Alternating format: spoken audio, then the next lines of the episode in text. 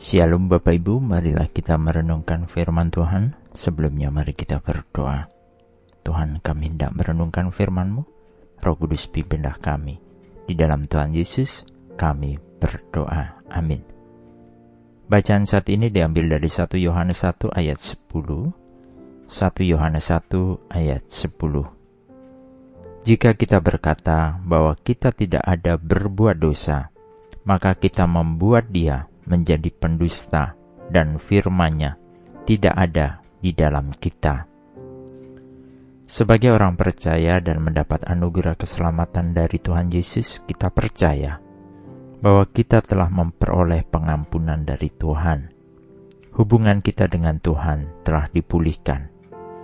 Namun, pada saat keselamatan itu telah kita terima, bukan berarti kita kemudian tidak berhenti berbuat dosa godaan dosa akan senantiasa ada.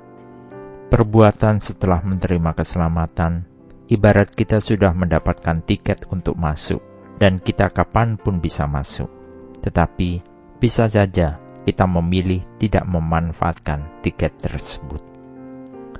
Keselamatan memang sudah diberikan kepada kita, namun kita masih mendiami tubuh yang belum dimuliakan, yaitu tubuh yang berdosa kita perlu terus untuk hidup baru di dalam Kristus, karena kita secara bertahap dikuduskan di dalam Dia.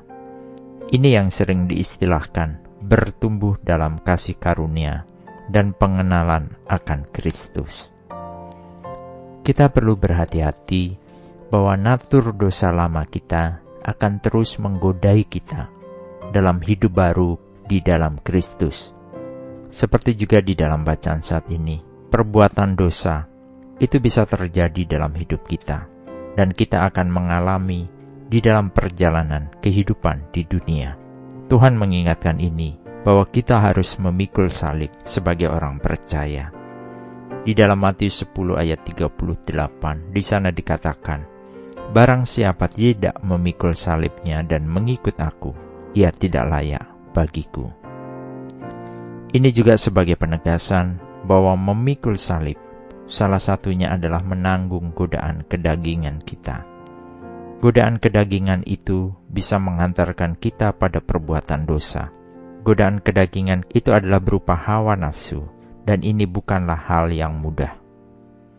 Anugerah keselamatan dari Tuhan yang sudah kita terima mengajak kita untuk mengubah fokus dan hati kita untuk mengarah kepada tujuan hidup, yaitu ke surga, bukan ke dalam keinginan duniawi.